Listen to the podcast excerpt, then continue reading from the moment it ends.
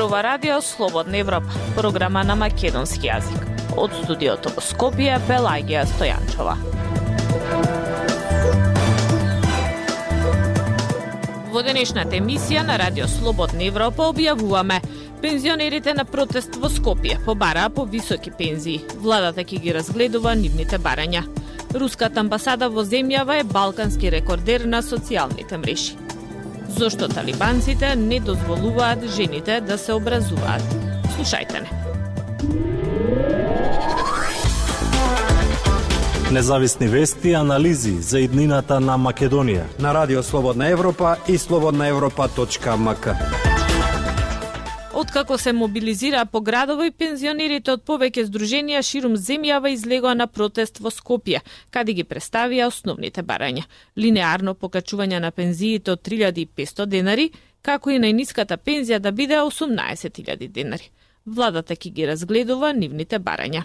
Михаело Донев со повеќе транспаренти за достоен живот, линеарно наместо процентуално покачување, протест за преживување и праведност. Пензионерите од повеќе градови ширум земјава се собраа на голем протест пред седиштето на Сојузот на пензионери во Скопје, од каде продолжи и пред Министерството за труд и социјална политика, каде заеднички го изразија незадоволството од најавеното септемвриско покачување на пензиите за 600.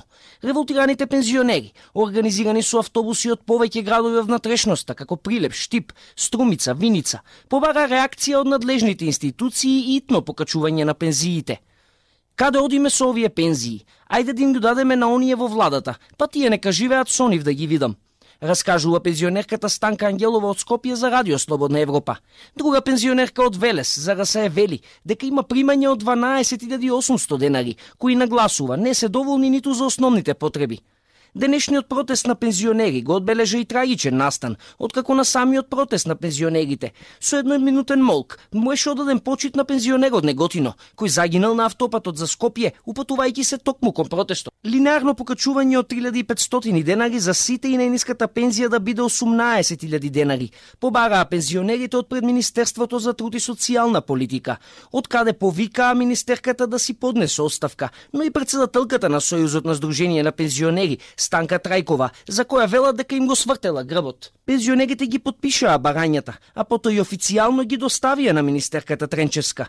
На средба со неа во Министерството за труд и социјала влегаа неколку представници на Сдруженијата на пензионери од неколку градови, кои по околу два часа разговори одлучиле да продолжат да ги разгледуваат барањата. Од Министерството за труд, за РСЕ, изјавија дека сите барања на пензионерите се договориле да бидат доставени до владата. Најавеното покачување пак на пензиите за 600 од септември значи дека оние кои се приматели на најниската земјоделска пензија ќе добијат покачување на пензиите од 588 денари, додека најголемо покачување од 1620 денари ќе добијат користиците на воена пензија. Според последните ажурирани податоци на ПИОМ, пак во април годинава, вкупниот број на приматели на пензија во земјава изнесува 333.882 пензионери. Слободна Европа. Следете на на Facebook, Twitter и YouTube. Руската амбасада во Скопје за две години објавила двојно повеќе постови на социјалните мрежи од дипломатските представништва на Европската Унија, Соединетите држави Британија. Според истражувањето на Центарот за проучување на демократијата од Софија, тоа е дел од пропагандната стратегија и хибридната војна на Кремљ. Повеќе од Тимел Златков. Амбасадата на Русија во Скопје е рекордер меѓу дипломатските представништва во Северна Македонија и во земјите од Западен Балкан, според бројот на објави на социјалните мрежи и по бројот на интеракции на тие нивни објави. Само во 2021 и 2022 година Руската амбасада има објавено двојно повеќе постови од дипломатските представништва на Европската Унија, САД, Велика Британија, Германија, Франција и николкукратно повеќе објави од Македонското министерство за надворешни работи. Ова го покажува истражувањето на Центарот за проучување на демократијата од Софија, кој ги следел објавите на повеќе амбасади на Балканот во изминативе две години. Оваа активност, според Горан Георгиев, истражувач во Софискиот центар за проучување на демократијата и експерт за меѓународни односи и геополитика, е дел од стратегијата на Кремљ за ширење на руското влијание и пропаганда. Профилите на руските амбасади на социјалните мрежи се канали за силувач на руската пропаганда и целата палета на дезинформацијски негативи кои доаѓаат од Кремљ, од кои повеќето се насочени против Западот и демократскиот начин на живот. Амбасадите вршат клучна информативна, но и оперативна функција во информацијската војна на Кремљ против слободниот свет – Вкупниот број на објави на руските дипломатски представништва на социјалните мрежи е значително зголемен од почетокот на инвазијата врз Украина, а дезинформациите се поексплицитни и поагресивни од кога било. Има и докази за тоа. Изјави за Радио Слободна Европа Георгиев. Бројот на објави на руската амбасада во Скопје на социјалните мрежи е повеќекратно повисок од бројот на социјални објави на Македонското министерство за надворешни работи. Од Македонското МНР не добивме коментар за ова истражување. Коментар на истражувањето не добивме ниту од руската амбасада во Скопје. Со оглед на тоа што нашата нормална дипломатска работа ја карактеризирате како дезинформација, принудени сме да се воздржиме од коментирање на вашите прашања. Стои во одговорот од руската амбасада во Скопје на нашето барање за коментар на истражувањето на Софискиот центар. Од сите земји од поранешна Југославија, руските дипломати во Северна Македонија најмногу постови имаат објавено во земјава. Трендот на висока активност продолжува и во 2023 година, при што руската амбасада во Скопје објави 717 објави, на кои има речиси 50.000 интеракции од 1 јануари до денес. Изјави за Радио Слободна Европа Георгиев. Сето ова, додава Георгиев, може и треба да се гледа како дел од хибридната војна на Кремљ. Дискурсот на руските дипломатски служби и онлайн и офлайн целосно излегува надвор од воспоставените стандарди на меѓународната дипломатија и во пракса е алатка за влијание и мешање во внатрешните работи на земјата домакин. Нормално, тоа се прави под раководство и со подршка на централните власти во Русија, вклучително и тајните служби. Појаснува Георгиев. Facebook објавите, како што велат од Софискиот центар, биле во фокусот на истражувањето, бидејќи над 90% од остварениот сообраќај на социјалните мрежи во југоисточна Европа се одвива преку Facebook. Радио Слободна Европа, светот на Македонија законите им овозможуваат на државните институции да не пријавуваат хакерски напади. Така во период од една година имало најголем број пријави за хакерски напади врз државни институции, но оваа бројка не ја прикажува реалната слика на хакирани државни сајтови, вели директорот на Агенцијата за електронски комуникации Јето на Кику. Владимир Калински. Во изминатава година досега имало најголем број на пријави за хакерски напади врз државните институции во Северна Македонија. Во тој период пријавени се вкупно 155 хакерски напади врз државни институции, од кои 12 биле сериозни инциденти, а другите од типот на малициозни мејлови и спамови, вели директорот на Агенцијата за електронски комуникации Јето на Кику за Радио Слободна Европа. Оваа бројка на напади е пријавена во Националниот центар за одговор на компјутерски инциденти МКД ЦИРТ, кој спаѓа под ДАЕК, но реалната бројка според директорот Акику е многу поголема. Најголем број до сега за една година е 155 пријави, од кои што само 12 се, да кажам, сериозни инциденти. Другите се пријави за малициозни мелови, спемови и такви работи. Значи 12 посериозни инциденти се пријавени до сега и тој таа бројка не е реална поради тоа што по закон институциите државни и приватни не се задолжителни да ги пријават инцидентите и со тоа што не им е задолжително да пријават делот нив и не пријавуваат. Велија Кику во интервју за Радио Слободна Европа која ќе го имитуваме в недела. Од Министерството за внатрешни работи не добивме одговор до објавувањето на сторијата колку хакерски напади против државни институции се пријавени годинава во секторот за компјутерски криминал и дигитална форензика, ниту пак колку од нападите добиле некаква разрешница, на пример да бидат откриени напаѓачите. И од јавното обвинителство чекаме одговори колкав е бројот на истраги кои добиле разрешница.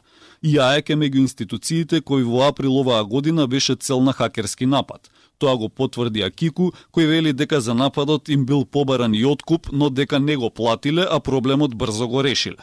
Пред изјавата на Акику во јавноста се дозна дека е падната страницата на АЕК.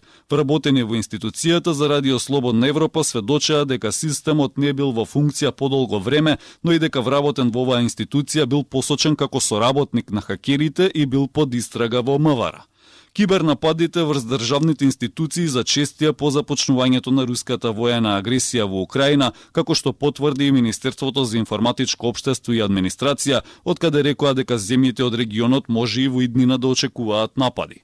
На интернет страниците на државните институции има многу лични податоци на граѓаните за кои покрај нападите не се даваат одговори дали има злоупотреби. Меѓу другите скорешни хакерски напади беа оној врз Фондот за здравство, Државната изборна комисија, Бирото за јавни набавки, интернет страниците на владата и собранието.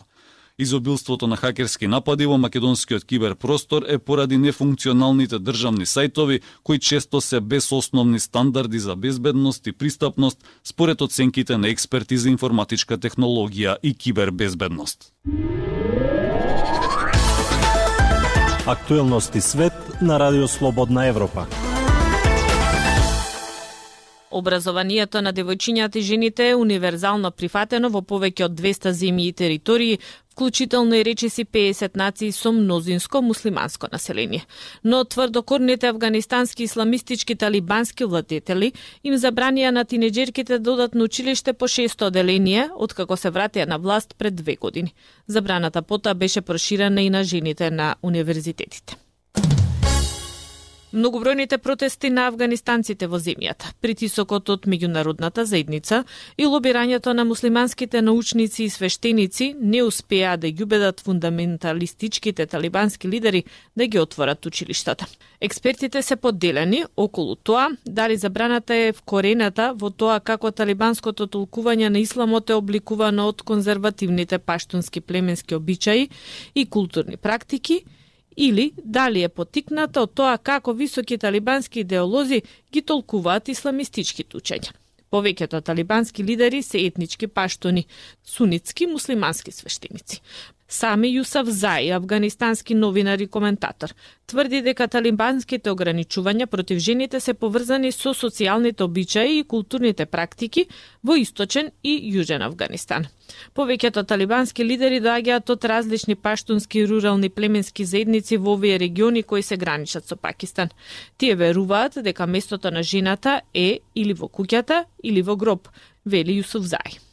Жените кои живеат во домакинствата на сегашните талибански креатори на политиките никогаш не биле образувани и никогаш не ги напуштиле своите домови, додава тој. Јусав Заи веле дека талибанците ги поддржуваат политиките обликувани од овој светоглед, подпирајќи се на исламистички тучења кои ги поддржуваат таквите идеи. Тој вели дека талибанските лидери се подпираат на изреките што му се препишуваат на пророкот Мухамед, кои ги обесхрабруваат жените да ги напуштат своите домови.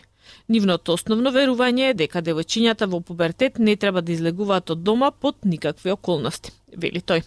Активистите и застапниците за права ги обвинуваат талибанците дека спроведуваат родов апартеид со тоа што им го скратуваат образованието на жените, работата, слободата на движење и одлучуваат како тие можат да се појават во јавност. Повеќето муслимани се согласуваат дека исламот им дозволува на жените да се образуваат. Сепак талибанците јавно велат дека ќе им дозволат на девојчињата пристап до образование само откако ќе се обезбеди целосна родова сегрегација и други неодредени услови речиси сите афганистански средни училишта беа родово сегрегирани и универзитетите наметнаа строго одвојување меѓу мажите и жените. Во последните години Саудијска Арабија, една од најконзервативните сунитски муслимански нации, им дозволи на жените да возат и им даде дозвола на движење без машки старател. Овие чекори се дел од иницијативата за реформи и модерност на престолонаследникот Мухамед бин Салман. Талибанската забрана за образование предизвика универзална осуда од муслиманите на глобално ниво.